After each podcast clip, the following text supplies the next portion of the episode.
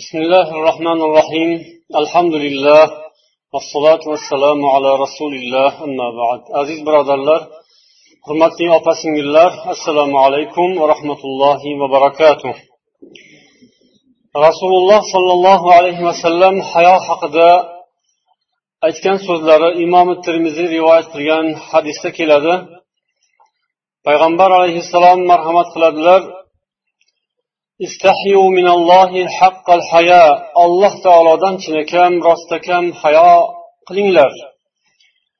Biz yo rasululloh inna nastahyi valhamdulillah dedik. Yo rasululloh allohga shukurki hamdu sanoki biz ollohdan chinakam hayo qilamiz dedik. Rasululloh sollallohu alayhi vasallam laysa zalik man uni aytayotganim yo'q. ولكن من استحيا من الله حق الحياة kimki alloh taolodan chinakam rostakam hayo qiladigan bo'lsa boshini va u uning atrofidagi narsalarni u o'z ichiga olgan narsalarni saqlasin qorin va uning atrofidagi narsalarni saqlasin O'lim va bu dunyodan yo'q bo'lib ketishni eslasin. Kimki agar oxiratni ustun qo'yadigan bo'lsa dunyo ziynatini tark etadi.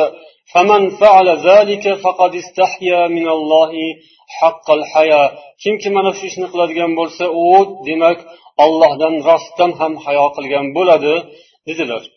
Ulamolar rahmatullohi alayhim ajmain. Sharhlaydilar bu hadisni. Istahyu minallohi haqqal haya ya'ni toqatingiz yetganicha ollohdan hayo qilingiz. Toqatingiz yetganicha ollohdan taqvo qiling degan olloh qur'onda. Demak hayo ham insonning toqati yetganicha bo'ladi. Qo'lidan kelganicha ilojini qilganicha kuchi yetganicha demak inson ollohdan uyalishi kerak. Shunda uning iymoni ham mukammallashib boradi. Hayo demak rasulullohning ta'riflaricha bosh va uning u o't ichiga olgan narsalarni bosh va uning ichidagi narsalar nima? Aql ko'z quloq til. Demak bu boshning a'zolari. Mana shu narsalarni saqlashingiz kerak. Demak aqlingizni salomat saqlashingiz kerak uni to'g'ri narsalarga ishlatishingiz kerak ko'zu quloqlaringizni ham halol pokiza narsalarga ishlatishingiz kerak. Ko'zingiz bilan nopok narsalarga qarasangiz hech kim yo'q joyda yomon narsalarni tomosha qilsangiz xoh u internetda bo'lsin xoh kompyuterda xoh jurnalda gazetda bo'lsin nopok narsalarni noloyiq narsalarni qarasangiz birov ko'rmasa ham olloh ko'rib turibdi. Ollohdan hayo qilsangiz keyin sizning hayoingiz chin bo'ladi rost bo'ladi. Qorin va uning atrofidagi narsalarni saqlasin. Ya'ni qorin avvalambor qorinni saqlash kerak. Ya'ni qoringa har xil nopok narsalarni kiritishdan shubhali yoki harom taomlarni yeyish yoki ichimliklarni ichishdan saqlash kerak. Uning atrofidagi a'zoyi badanlar endi qorinning atrofida nima nimalar bor? Qo'l oyoqlar bor. Ularni ham siz yomon narsalardan harom ishlardan saqlashingiz kerak. Shunda demak siz hayoli bo'lgan bo'lasiz. O'limni eslash kerak va dunyodan ketishni. Agar inson doimo o'limni eslab yuradigan bo'lsa bu dunyoda abadiy qolish mumkin emas. Har qancha xohlasa ham harakat qilsa ham mumkin emasligini bilgan odam bir kun o'lim keladi olloh huzuriga inson ketadi yolg'iz yotadi. Ana uni o'ylagan odam albatta o'zini ishlarini isloh qilishga boshlaydi xulqini ham tuzatishga boshlaydi. Unda demak hayo paydo bo'ladi. kimki oxiratni agar o'ylagan bo'lsa ustun qo'ygan bo'lsa u dunyo ziynatini tark qiladi. Ya'ni dunyo ziynatdan butunlay voz kechadi emas. Dunyoviy ishlardan butunlay uzilib qoladi emas. Balkim oxiratni o'ylagan holda oxirat esdan chiqmagan holda dunyosi bilan ham mashg'ul bo'ladi. Dunyoda zuhud taqvo bilan o'tadi. Ya'ni molparast bo'lib qolmaydi dunyoparast bo'lib qolmaydi kiyimparast yoki ovqatparast bo'lib qolmaydi yo mansabparast yoki shuhratparast bo'lib qolmaydi.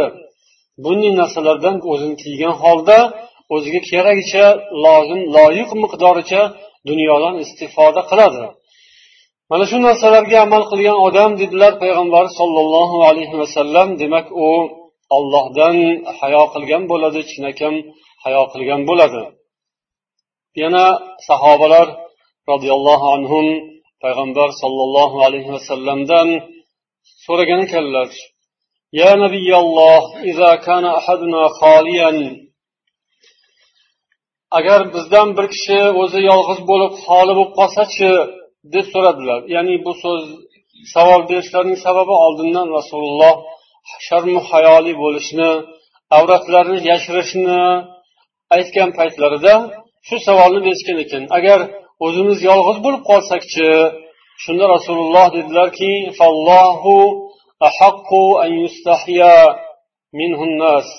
alloh taolo odamlardan uyalishdan ham ko'ra alloh taolodan uyalish loyiqroqdir. Ya'ni hayo qilinishga olloh loyiqroqdir.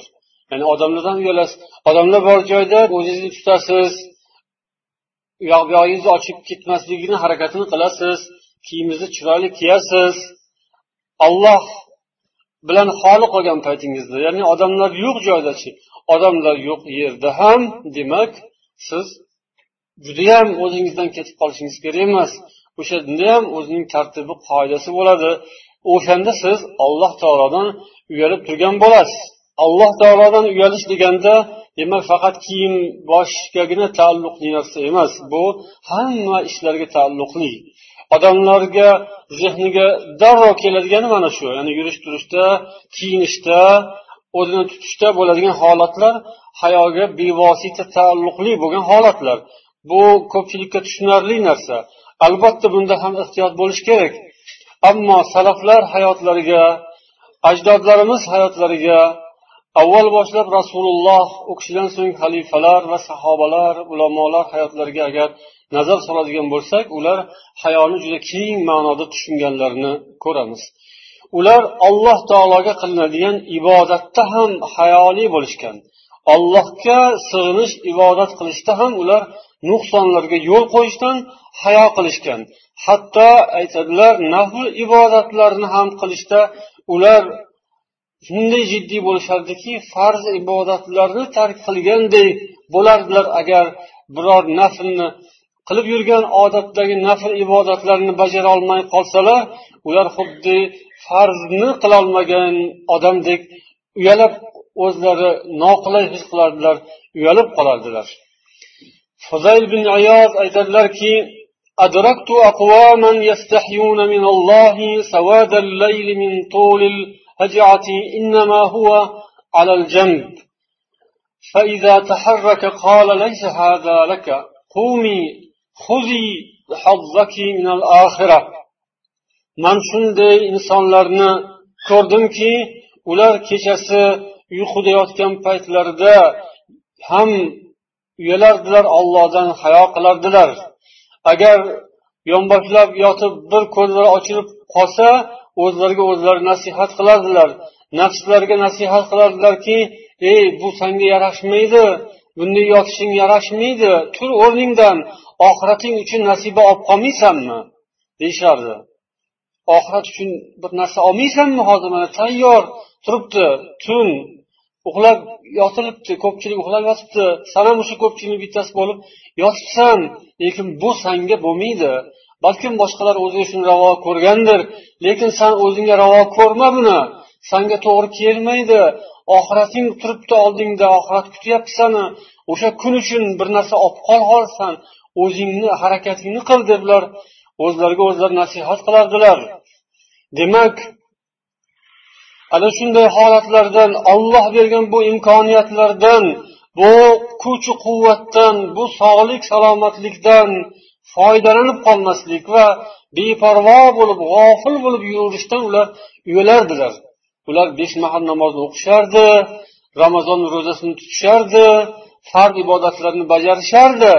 Ammo buning orasida ham qancha vaqtlar borku qancha imkoniyatlar borku? Yana qancha yaxshi ishlarni qilsa bo'ladiku inson? ana o'shanday solih amallarni yaxshi ishlarni qilolmayotganlikda o'zlarini o'zlari ayblashadi ular فعجيب شأن الإنسان لا يستحي من ربه وهو ينعم عليه آناء الليل وأطراف النهار إنسان ajoyib zotda inson ajoyib bir mavjudot Olloh unga kechasiyu kunduzi nozu ne'matlarni yog'dirib turadi. Inson shunga muhtoj. Muhtoj judayam shu ne'matlarga. Lekin ollohdan u hayo qilmaydi. Agar olloh bermasa o'zi bu narsani hosil qila olmas edi. O'zi qo'li bilan yarata olmaydi. O'zi topolmaydi shu narsani agar olloh bermasa.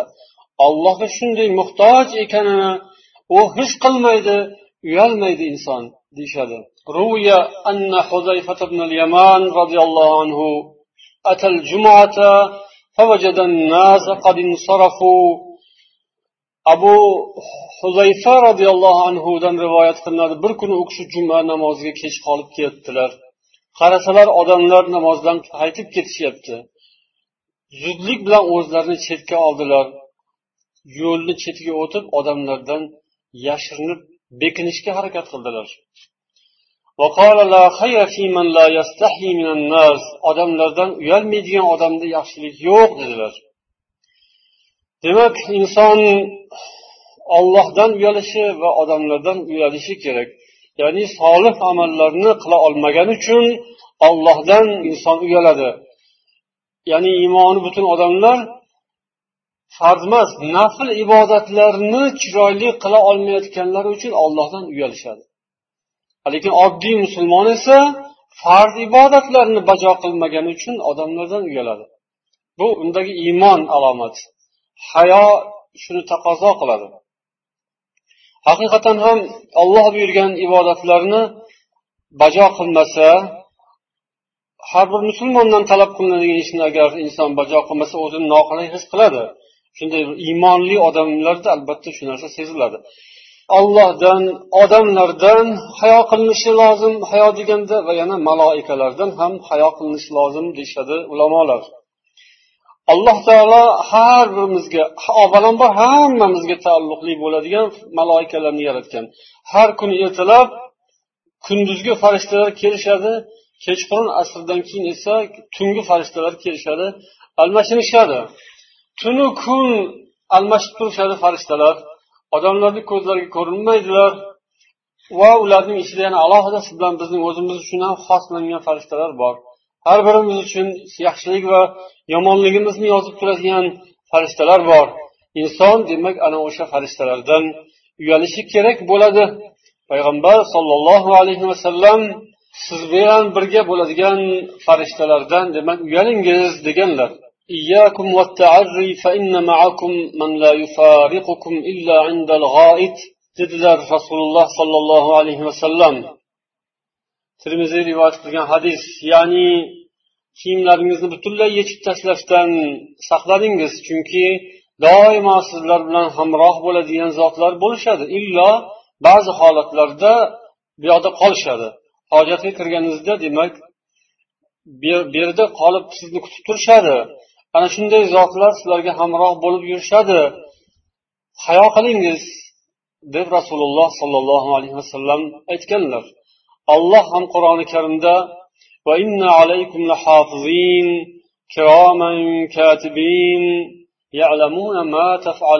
degan infitor surasida. Shubhasiz sizlarning ustingizda muhofaza qiluvchi zotlar borlar.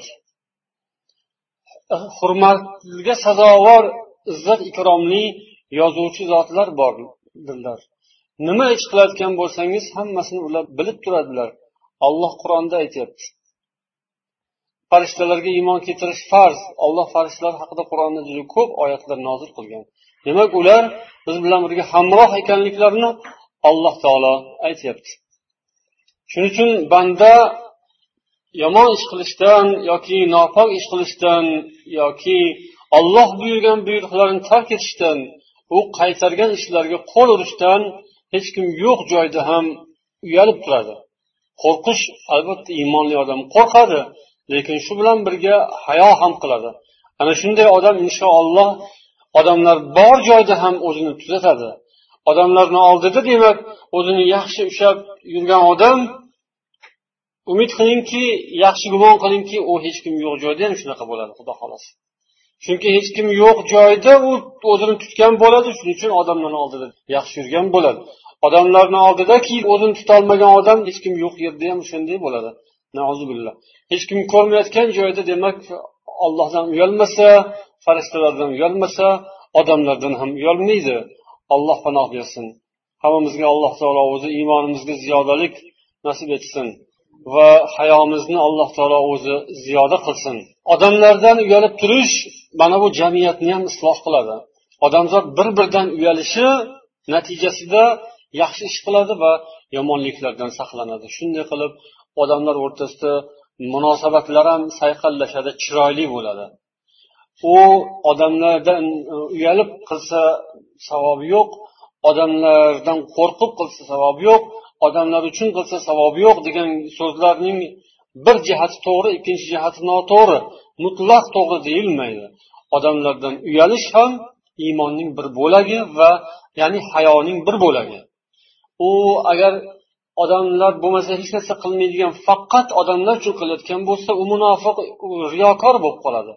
Lekin iymonli odam ham odamlardan uyalish hissidan mahrum bo'lishi kerak emas.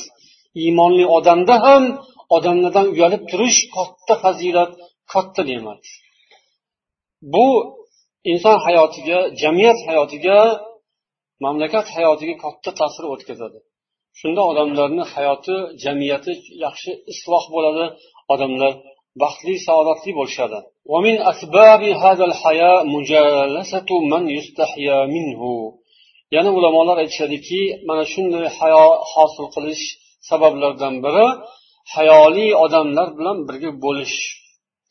Yaxshi odamlar bilan ko'proq birga bo'lish bu odamlarni axloqini tuzalishiga sabab bo'ladi.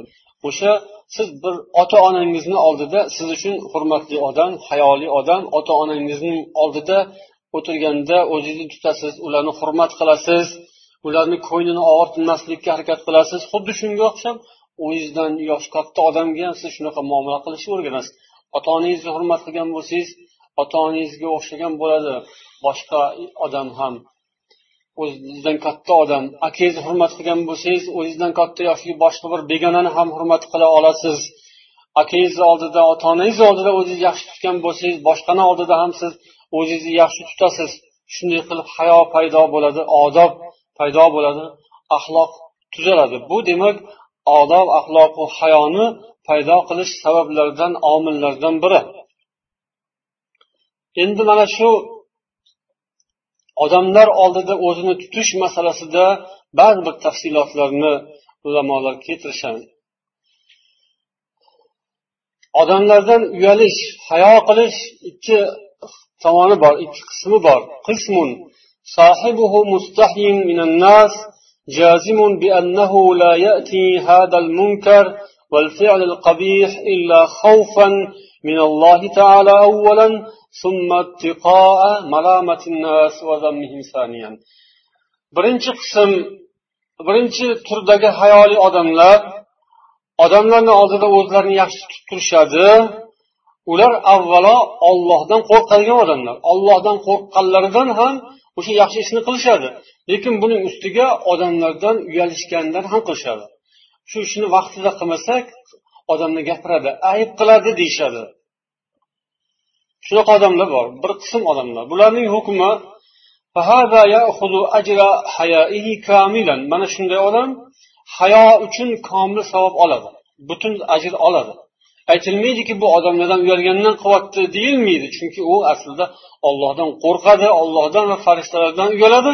Buni ustiga odamlardan ham uyalgani uchun ham yana ham yaxshiroq bajarishga harakat qiladi o'sha ishni. Ho ibodat ho solih amallar. Bu savobini komil oladi. Chunki uning hayosi mukammaldir. Ikkinchi qism yatrukul qaboiha odamlardan uyalgani uchun yomon ishlardan tiyilib yuradi. Lekin hech kim yo'q joyda uni qilishi mumkin.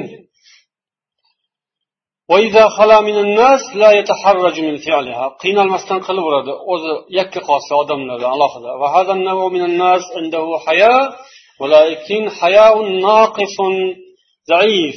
buning ham hayosi bor deyiladi. Hayo bor lekin uning hayosi noqis zaif kuchsiz hayodir. Chunki iymoni zaif. Demak u odam muolajaga muhtoj davoga shifoga muhtoj. Parvardigorning qudratini ulug'ligini eslatish kerak unga. Olloh qodir qudratli zot. Ollohdan uyalish kerak. Endi yana shuning yoniga bundan tashqari qolib ketganlar bo'ladi. Ular demak eh, hech kimdan uyalmaydi. Odamlardan ham uyalmaydi ollohdan ham bu eng yomoni eng yaramasi endi. Bundan ko'ra ikkinchisi yaxshi undan ko'ra birinchisi yaxshi. Demak u eng yuqorisi. Odamlardan ham uyaladi ollohdan ham uyaladi. Undan bir daraja pastdagisi ollohdan farishtalardan uyalmaydi faqat odamlardan uyaladi. Bu ham bir nav yaxshi deyishadi ulamolar. Chunki ana u yomon u u hayvonga o'xshagan u. Undan ko'ra olloh asrasin unaqa bo'lib qolishdan. Bu insonlardan uyalish ollohdan ham uyalishga olib keladi. Yaxshilik oxiri yaxshilikni kuchaytiradi inshaalloh. Ammo gunohlarni oshkoro qiladigan oshkoro harom ishlarni qiladigan ollohdan va odamlardan uyalmaydigan bu demak hayvon sifati odam bo'lib qoladi.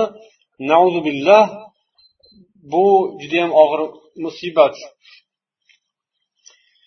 Yana hayo bobida rasululloh sollallohu alayhi vasallam huzurlarida qiyomat kuni havzi kavsar labida turishni inson tasavvur qilishga o'ylashga shu narsani his qilishga harakat qiladi. Alloh taolo barchamizni oxirat kuni jam qiladi. Bitta joyda hammani olloh yig'adi odamlarni.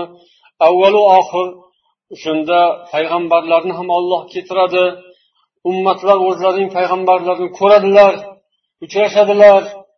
Avval o'tib ketgan ajdodlar bilan uchrashadilar.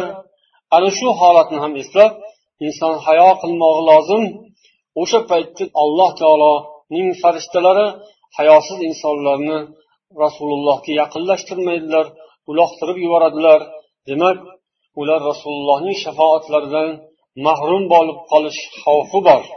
Demak ollohdan maloikalardan payg'ambarlardan odamlardan hayo qilish.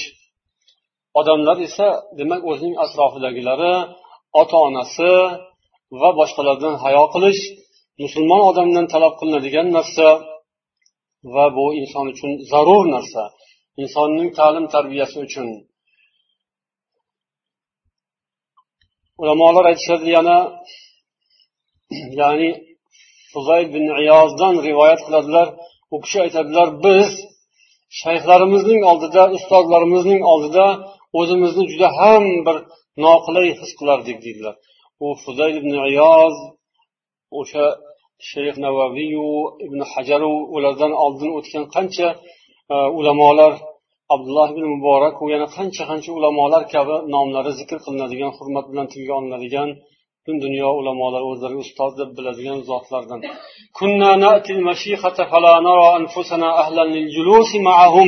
Biza dars olishga ustozlarimizni oldilariga kelardikda o'tirishga ham o'shalarni oldilarida o'tirishni ham o'zimizga ep bilmasdik biz. Ularni oldilarida o'tirib dars olishga ham o'zimizni loyiq deb bilmasdik. Ya'ni shunday ular hayo qilishardi. O'zlaridan kattadan ustozlaridan ularni shunday hurmat qilishardi. فنجلس دونهم ونسترق السمع فإذا مر الحديث سألناهم إعادته وقيدناه biza ularni og'izlaridan chiqadigan so'zlarni xuddi o'g'irlab olish uchun o'tirganday so'zni o'g'irlash uchun o'tirganday o'tirardik shunaqa bir hushyorlik bilan og'izlaridan nima chiqsa birontasini ham qoldirmasdan shunday ilib olishga eslab qolishga harakat qilardik ba'zi joyni so'rardik takror qilishsa darhol qayd qilib olardik deydilar. Endi suhbatimizning bu qismida ana shu tarixda o'tgan zotlarning hayolariga misol bo'ladigan ba'zi bir voqealardan eslash bilan davom ettiramiz.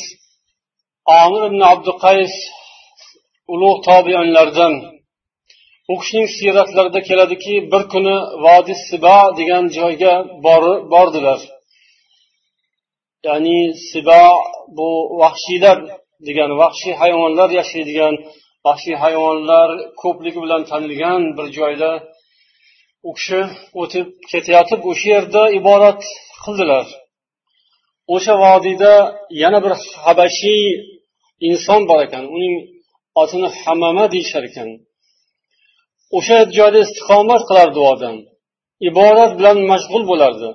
O'zini bir yengilgina tirikchiligini qilardi va ibodat bilan mashg'ul bo'lardi. Bu kishi ham shu vodiydan o'ta turib ibodat qilishga kirishdilar va vodiyni bir chetida ibodat qildilar. O'sha yerda qirq kun istiqomat qildilar. Qirq kecha qirq kunduz demak ibodat bilan mashg'ul bo'ldi. Amir ibn qays yoki amir ibn abdi qays. Vodiyning nari chetida esa haligi qora kishi ibodat bilan mashg'ul edi. Keyin ular faqat farz namozda ko'rishardilar farz namoz vaqti kelganda demak birga ibodat qilardilar omir ibn qays hamamadan so'radi man anta yarhamukalloh? Siz kimsiz ismingiz kim? deb so'radi. Dani va hammi. U kishi aytdiki qo'ying man o'zim bilan o'zim ovoraman. Qo'ya qoling dedi haligi kishi. olloh nomiga qasam etib aytaman ismingizni ayting demak bir narsani qattiq iltimos qilganda olloh nomi bilan iltimos qilsa demak uni ijobat qilish kerak qabul qilish kerak ana hamamatun deb u kishi aytdi nomini keyin omir aytdilarki لئن كنت أنت حممة الذي ذكر لي لأنت أعبد من في الأرض agar san o'sha man eshitgan hammama bo'ladigan bo'lsang mani nazarimda yer yuzida eng ko'p ibodat qiladigan odam sansan man sendan bir foyda olib qolayin. Eng ulug' fazilatni nima deb bilasan san shu haqda menga xabar bergin dedilar.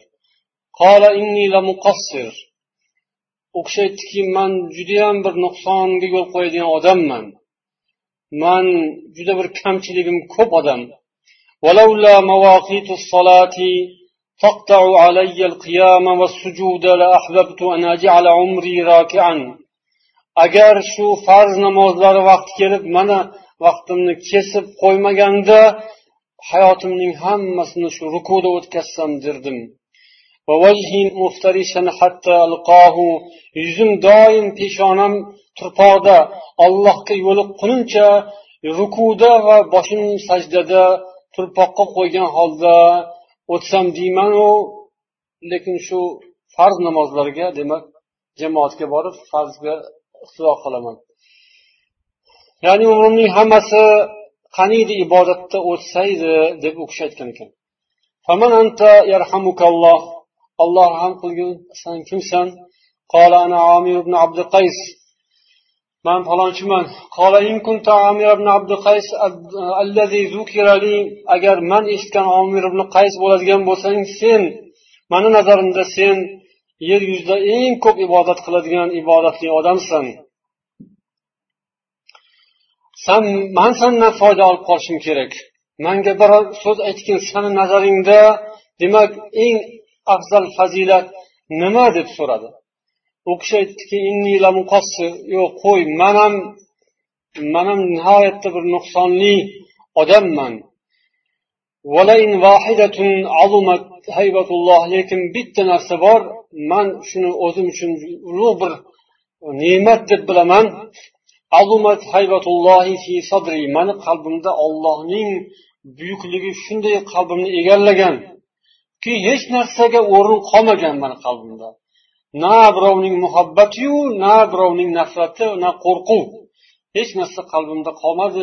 Olloh mani buyukligi bilan egalladi qalbimni deb turgan paytda orqadan bir vahshiy hayvon kelib shunday tashlangan ekan. U kishi shu bilan birga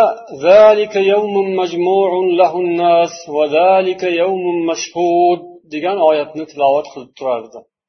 Ya'ni ana u kun hamma odamlar yig'iladigan kun hamma odamlarga guvohlar hozir qilinadigan kun qiyomat kun.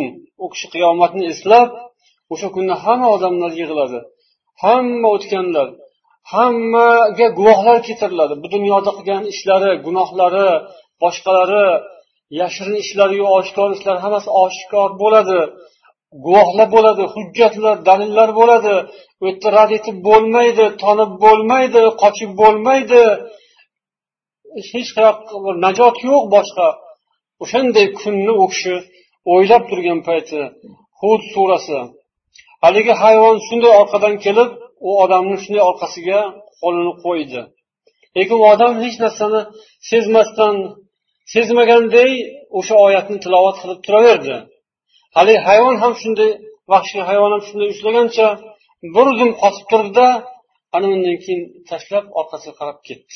Shunda haligi hammama aytdiki billahi ya amir ma haluka ma rait hozir bu ish ko'rdingmi? Nima bo'ldi hozir? Sani hozir halok qilishi mumkin ediku mana bu hayvon. deganda u kishi aytgan ekanki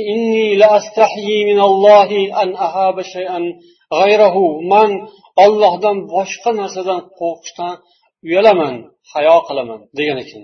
Ya'ni hayo deganni u zotlar qanday keng ma'noda tushunishgan. Biza tor ma'noda tushunamiz lekin o'shani ham qoyillatolmaymiz tor ma'nodagi hayoni ushlab yursak katta gap alhamdulillah. Keng kichkinasidan kengayadida xudo xohlasa. Agar kichkinasi bo'lsa inshaalloh katta bo'ladi. Endi u zotlar ularni e, rivoyatlari sahih kitoblarda kelgan ya'ni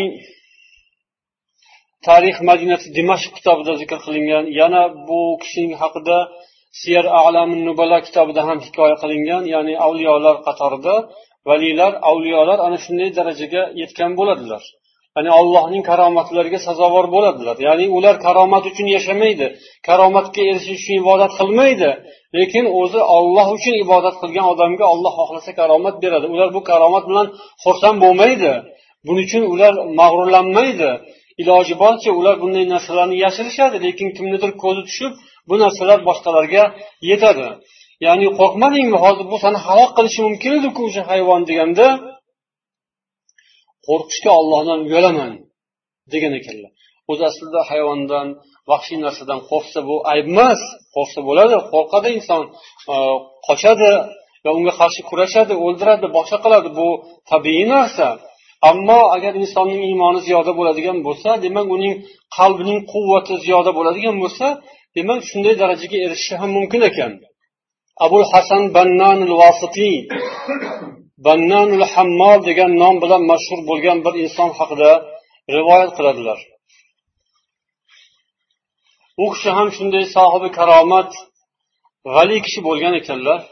U odam misr hokimlaridan misr amirlaridan ibn tug'lunning zamonida yashagan. Bir kuni ibn tug'lunning vaziri otda kelayotgan ekan ro'parasiga chiqib turib tush otdan san ot minishing mumkin emas sanga loyiq emas bu degan ekan bu kishi. Keyin bundan g'azablanib ibn to'lun podshoh ya'ni o'sha qafasga tashlagan ekan. Uni shunday bir qafasi bor ekan u yerda yo'lbars saqlar ekan. Shunday jinoyatchilarni olib borib o'sha yo'lbarsni oldiga tashlar ekan u gaplashib qo'yar ekan. Ya'ni o'sha yerda uni masalasi hal bo'ladi. Bu kishi ya'ni bannanul hammol shunday ulug' zohid kishi bo'lgan ya'ni taqvoli olim va haligi bunday dunyoga berilmagan uning uchun dunyo va oxiratdan dunyo oxirat ustun. Haligi podshoning vaziri otda kelayotgan joyda tush otdan deb otdan tushirib qo'ygan. Qo'li bilan emas so'zi bilan tushirib qo'ygan. Sababi u nasroniy ekan.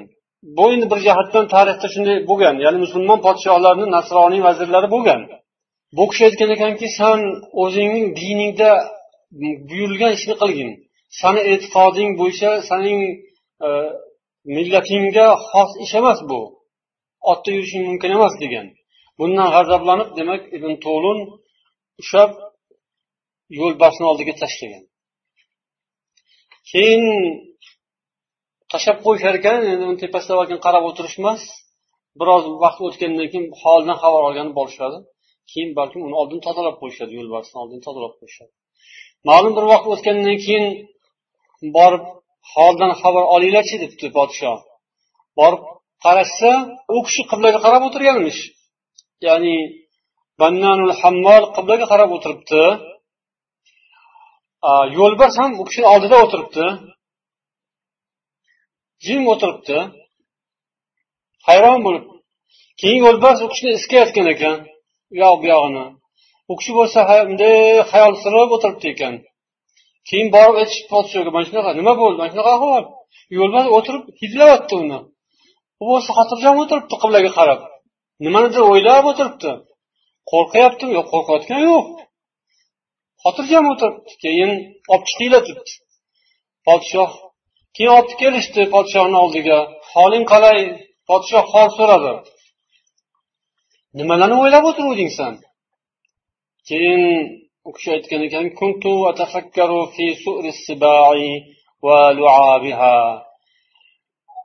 vahshiy hayvonlarning og'zidan oqqan so'lagi pokmidi nopokmidi? Shuni haqida o'ylayotgandim degan ekanlar.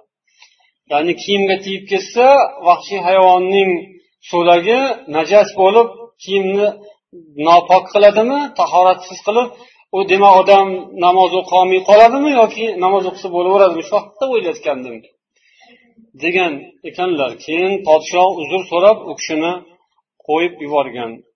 Demak ular alloh taolodan shu darajada qo'rqishgan. Ollohga demak o'zlarini topshirishgan. Olloh uchun yashashgan bu dunyoda. Dunyo uchun emas nafs uchun emas. Olloh uchun ibodat qilib parvardigorning roziligi uchun ular hayot kechirgan aytgan so'zini ham shuni olloh uchun aytgan. Podshoh demagan vazir demagan haq so'zni aytgan va uning oqibatidan keladigan natijalarga tayyor bo'lgan. Balkim tayyorlanish maxsus tayyorlanish emas siz bilan bizdaga bo'ladi bu maxsus tayyorlanish kerak tayyor turinglar andoq bo'ladi undoq bo'ladi. Ularda unaqa tashvish ham bo'lmagan ammo doim bir xil holatda ya'ni ibodat bilan ular shu darajaga erishishgan va o'sha hayo buni ham ular hayodan deb hisoblashgan. Ollohdan boshqadan qo'rqish ular uchun uyat bo'lgan hayo qilaman deyishgan. Ollohdan boshqadan qo'rqib qochib qayerga boraman? Olloh uchun agar o'lib ketsa u shahid bo'lishini biladi inson. Agar biror bir dushman halok qiladigan bo'lsa bu ham ehtimoldan uzoq emas. Olloh hamma do'stlarini dushmandan himoya qiladi degan kafolat yo'q. Ollohning do'stlarini dushmanlar qancha dushmanlar o'ldirishgan payg'ambarlarni boshlarini aralashgan avliyolarni o'tga solib kuydirishgan yoki ollohning avliyolarini qaysidir o'rnida vahshiy hayvon yeb ketgan o'tgan suhbatimizda aytdik iso alayhissalomning yonlaridagi havoriylardan birini bo'ri yeb ketgan payg'ambarni yonida yuradigan zot. Bu kishi payg'ambarni yonida yuradigan zotlar emas lekin allohning bir do'stlari ammo inson ollohga chin ibodat qilish kerak ollohdan uyalish kerak. Mm, gap shu yerda. U mana shunaqa bo'lsa ekan bunaqa bo'lsa unda u tamom ixlos ketadi. Agar shu dunyoda nimadir karomat ko'rish nimadir natija ko'rish uchun ibodat qilsa u odam shirkka riyoga ketadi savob bo'lmaydi unga. Demak har qanday oqibatdan qat'iy nazar olloh beradigan oqibatni o'ylagan holda inson ibodat qiladi va solih amallarni ham ana shunday maqsad bilan u bajo qiladi. Shunda inson alloh taologa yaqin bo'ladi va o'shanda allohdan chinakam hayo qilgan bo'ladi. Endi yana mana shu mavzuda hayo bilan hajal o'rtasidagi farqni bayon qilishgan. Hayo yoki hijil bizda ham shu so'z ishlatiladi. Ya'ni ko'nglim hijil bo'ldi deyiladi yoki hijolat bo'ldim degan ibora ishlatamiz. Shuning farqini zikr qilingan. Hayo bilan hajalning nima farqi bor? Har bir musulmon odamda bo'ladi. الخجل فهي الصورة المتطرفة والمذمومة للحياة bu hayoning chegaradan chiqishi haddan oshishi bu mazmum hayo qoralanadigan hayo haqiqiy hayo emas bu narsani shunday tushunish mumkinki yana deydilar hayratun nafs hayo ويحمد في النساء والصبيان ويذم باتفاق في الرجال Bu inson nafsining hayratga tushishi faydul qadir muallifi aytadilar. Mana shu hajar demak yosh bolalarda va ayollarda bo'lsa o'rinli lekin erkaklarda bo'lsa o'rinsiz. Ya'ni bu hayodan ham ko'ra yanayam uzoqroq ketadigan bir xislat tortinchoqlik ya'ni. Tortinchoqlik yosh bolalarda bo'lishi ayollarda bo'lishi yaxshi fazilat ammo erkaklarda bo'lishi yaxshi fazilat emas. Chunki bu erkaklar o'z vazifasini bajarishdan to'sib qo'yadi. Haq ishni qilishdan haq so'zni aytishdan to'sadi. Ya'ni o'zini noqulay his qilib qiladigan ishni qilolmay qolish uyaldim tortinchoqlik qildim qilolmadim jur'atim yetmadi deydi. Qo'rqoqlik bo'ladi bu jur'atsizlik bo'ladi. Bu hayo bilan va yana hayosizlikni o'rtasida bo'ladigan narsalar. Biz avvalgi suhbatda aytdikki jasur odam botir odamda hayo kam bo'ladi. Ko'pincha botir jasur odamlar hayosizdan bo'lib qoladi. Chunki ular shu tarsaki shartaki bo'lib ba'zan shu hayoga to'g'ri kelmaydigan ishni qilib yuboradi yo gapirib yuboradi u yaxshi emas. Lekin qilish kerak bo'lgan ishni qilolmay bo'shashib turib uyalib tortinib iymanib o'zini e, noqulay his qilib nima qilsam ekan deb hatto qo'li ham ortiqchalikka o'xshab qo'lni ham qayerga qo'yishni bilmay qoladi. Noto'g'ri o'zini ham qayoqqa hatto o'tirgan joyi ham ortiqchadek sig'dirmayotgandek bu demak noto'g'ri narsa. Shuni ozginasi ayollarda bo'lishi kerak lekin. Bolalar ayollarda ozgina bo'lishi mayli. Chunki ayol kishi hayoli bo'lish ularning sifatlari ko'proq. Ulamolar erkaklarda bu bo'lishi mumkin emas. Va haddan oshishi ham u ham mm, yomon narsa. Mana shu narsani oldini olish uchun tavsiya qilinadiki to'rtta narsaga e'tibor berish kerak. Kun o'zizga o'zingiz yaxshi ishonishingiz kerak. Shunaqa hajal holatga tushib qolmasligingiz uchun. Ya'ni nima qilishni bilmay o'zingizni yo'qotib qo'yish deydi. Odam o'zini yo'qotib qo'yish holatga tushishi kerak emas erkak kishi. Aksara o'ziga o'zi inson ishonchini mustahkamlash kerak. Bu degani olloh menga yordam beradi xudo xohlasa inshaalloh. Olloh mana shu ishga buyurgan. Man shuni qilishim kerak. Ey olloh o'zing menga quvvat bergin deb tavakkul qilish kerak kirishish kerak ishga. Ikkinchisi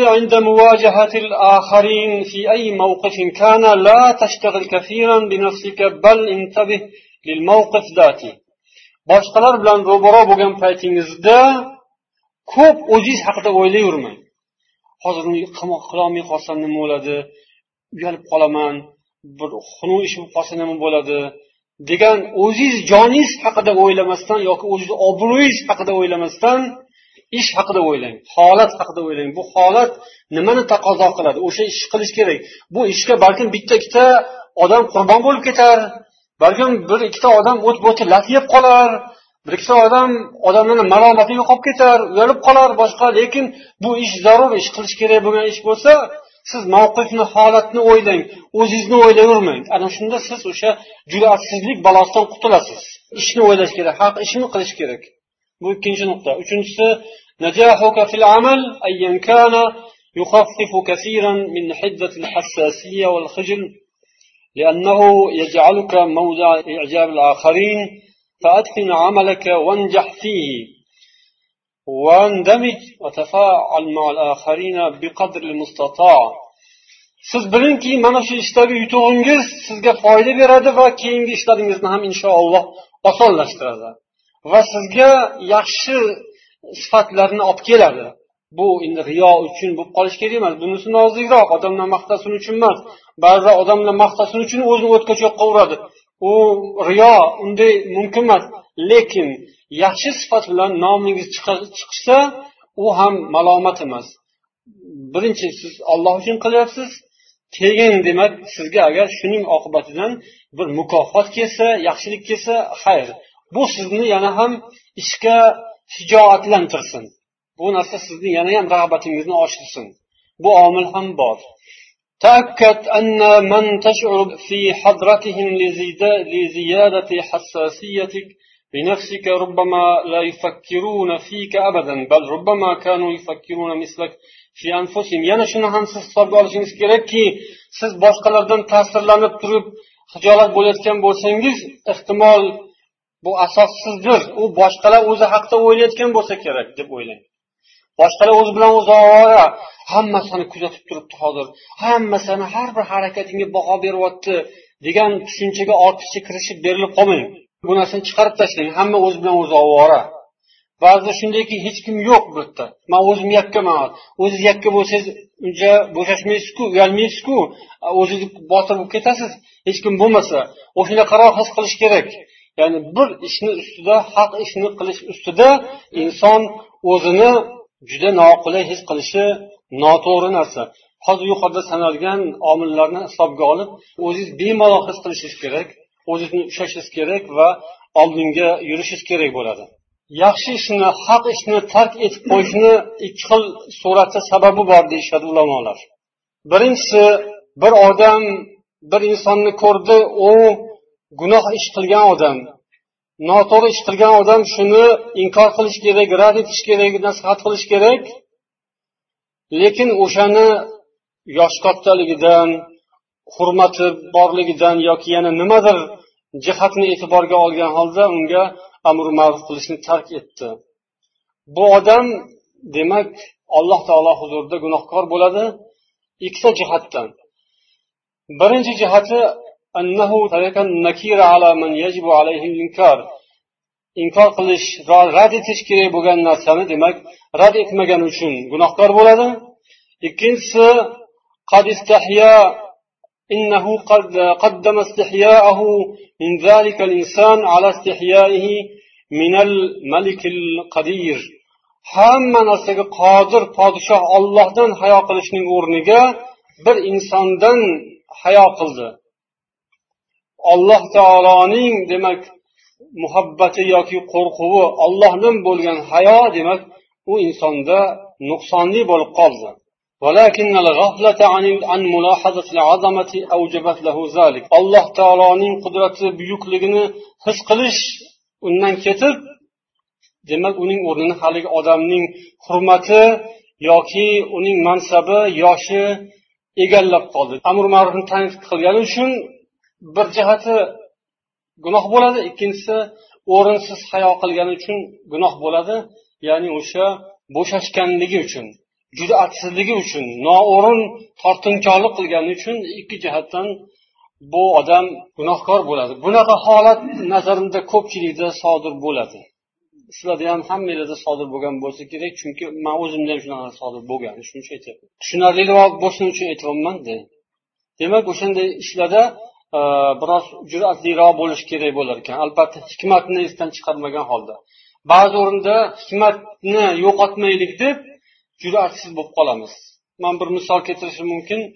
Bir suhbatda bir keksa ham siyosatchi ham shoir odam bilan uchrashib qoldim. O'n besh yil bo'lgan undan ham ko'proq bo'lgandi ko'rishmaganimizga. Mana bu erkinlikka ochiqlikka chiqqanimizdan keyin sabab bo'lib bir to'yda ko'rishdik. U kishi endi ancha yoshi o'tib keksayib qolibdilar shoir odam mashhur odam. Keyin biz namoz vaqti bo'ldi namozga turdik. Asr namoziga. U kishi namozga turmadi. Namoz o'qidik qaytib kelib yana so'zimizni davom ettirdik. O'sha yerda ko'nglimdan o'tdi endi. Chunki man bu kishi yoshi anchaga borib qolibdi gap so'zlari chiroyli islomni yaxshi gapiradi amri ma'ruflarni yaxshi ko'radi. Talabalarni musulmonlar haqida ularning tashvishlari haqida boshlariga tushgan qayg'u kulfatlar haqida e, achinib gapiradi. Endi shunaqa yaxshi so'zlarni gapirayotgan odam xudo xohlasa bu kishi namozxonam bo'lib qolgan bo'lsa kerak deb o'yladim. Keyin namoz o'qimaganlardan keyin achindim keyin o'sha yerda aytay dedim hmm, falonchi aka namozni aytdim ham. Ha aytgan joyim shuki e, jumalaga chiqib turgan bo'lsangiz kerak dedim. Endi besh mahal namozdan gapirishga iymandim o'sha yerda. U kishi ha bir masjid bor e, chiqamiz dedilar. Ketayotgan paytimizda aytay aytay dedim jur'atim yetmadi. O'tirgan joyimizda ham. Endi jumaga chiqayotgan ekansiz rahmat. Besh mahal namozga ham e, chiqsangiz juda yaxshi bo'lardi. Ochiqroq ham gapirishim balkim kerakdir oxirat yaqinlashib qolyapti hammamizga ham. Kim oldin kim ketin ketadi bilmaymizku lekin olloh huzuriga boramiz. Namoz o'qimasak ishimiz bitmaydi. Bu adolat uchun kurashganlarimiz zulmni e, rad etish uchun kurashganlarimizni foydasi qolmaydi bizga. Bu o'zi savobli ish foydali ish. Adolat uchun kurashish zulmga qarshi turish haq so'zni aytish bu ancha muncha namozxon qilolmaydigan ish. Lekin shu ishni qilib turib namoz o'qimasachi ibodat qilmasa uni foydasi yo'q uni olib borib bo'lmaydi ollohni huzuriga. Haq so'zni aytganini zulmga qarshi yozganlarini she'rlarini olib borib bo'lmaydiku ollohni huzuriga. Buni aytolmadim man o'zim biroz o'sha yerda koyidim. Man shu mana bu maqolani o'qigandan keyin o'zimni o'zim demak man ham shunaqa jur'atchilar qatorida ekanman dedim. Buning muqobilida yana bir e'tiborli voqeani aytib bering. Yana bir siyosatchi bilan uchrashdim. U kishi ham shoir. U kishi yana ham mashhurroq odam. U kishi aytadiki man bir amerikalik do'stim bor deydi. Ham siyosat arbobi ham davlat arbobi deydi. Amerikalik siyosat davlat arbobi kim bo'ladi endi? Qanaqa odam bo'ladi? Ma'lum. Ya'ni g'ayridin odam. Lekin yaxshi odam deydi. O'sha bilan uchrashganimda man uni islomga da'vat qilibman deydi u kishi. Kulib aytadi man seni birodar do'stim yaxshi ko'raman. San yaxshi odamsan judayam. San jannatga kirishgan kerak bo'lgan odamsan. Man jannatni yaxshi ko'raman. Man musulmonman. Man inshaalloh jannatga kiraman. Jannat uchun demak harakat qilayotgan yashayotgan odam o'zimga yaxshi ko'rgan narsani sanga ham yaxshi ko'rishim kerak. San mani do'stimsan.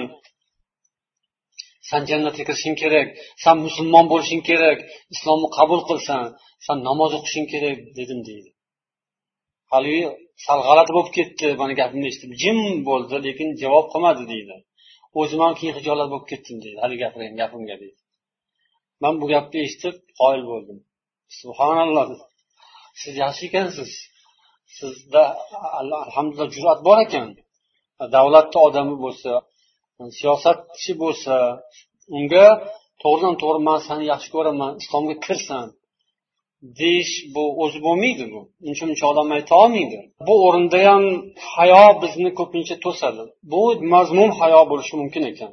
Jur'atsizlik qo'rqoqlik tortinchoqlik bu ba'zan o'rinsiz bo'lib qoladi. Lekin biz hikmatni yo'qotishimiz kerak emas. Odamlarni da'vat qilishimiz kerak ekan deb chegaradan chiqib ketsak bo'lmaydi. Qo'pol so'z aytib yuborsak ularni xafa qiladigan ko'ngliga tegadigan gap qilsak u qilmoqchi bo'lib turgan bo'lsa ham qilmay qo'yishi mumkin. U ham yaxshi emas.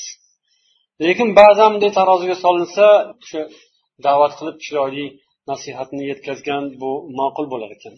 Alloh taolo barchamizga tavfiq hidoyat bersin. Sharmu hayomizni mukammal bo'lishini o'zidan so'raymiz. Hammamizga shu bizning ustimizdan g'olib bo'lib bizga shunday bir chiroyli kiyim bo'lib zohiriy ko'rinish bo'lib turadigan narsa hayo bo'lsin. bu hayot hayot ekan dunyoda hayot kechirishning mag'zi mohiyati ma'nosi hayoda ekan hayo iymon ikkalasi chambarchas narsa albatta erkaklarda ham va qolaversa eng muhimi ayollarda va bolalarda hayo mukammal bo'lishi kerak hayo bor bo'lishi kerak hayoni biz rivojlantirishimiz o'stirishimiz kerak ana shunda dunyomiz ham oxiratimiz ham inshaalloh obod bo'ladi سبحانك اللهم وبحمدك أشهد أن لا إله إلا أنت أستغفرك وأتوب إليك والسلام عليكم ورحمة الله وبركاته.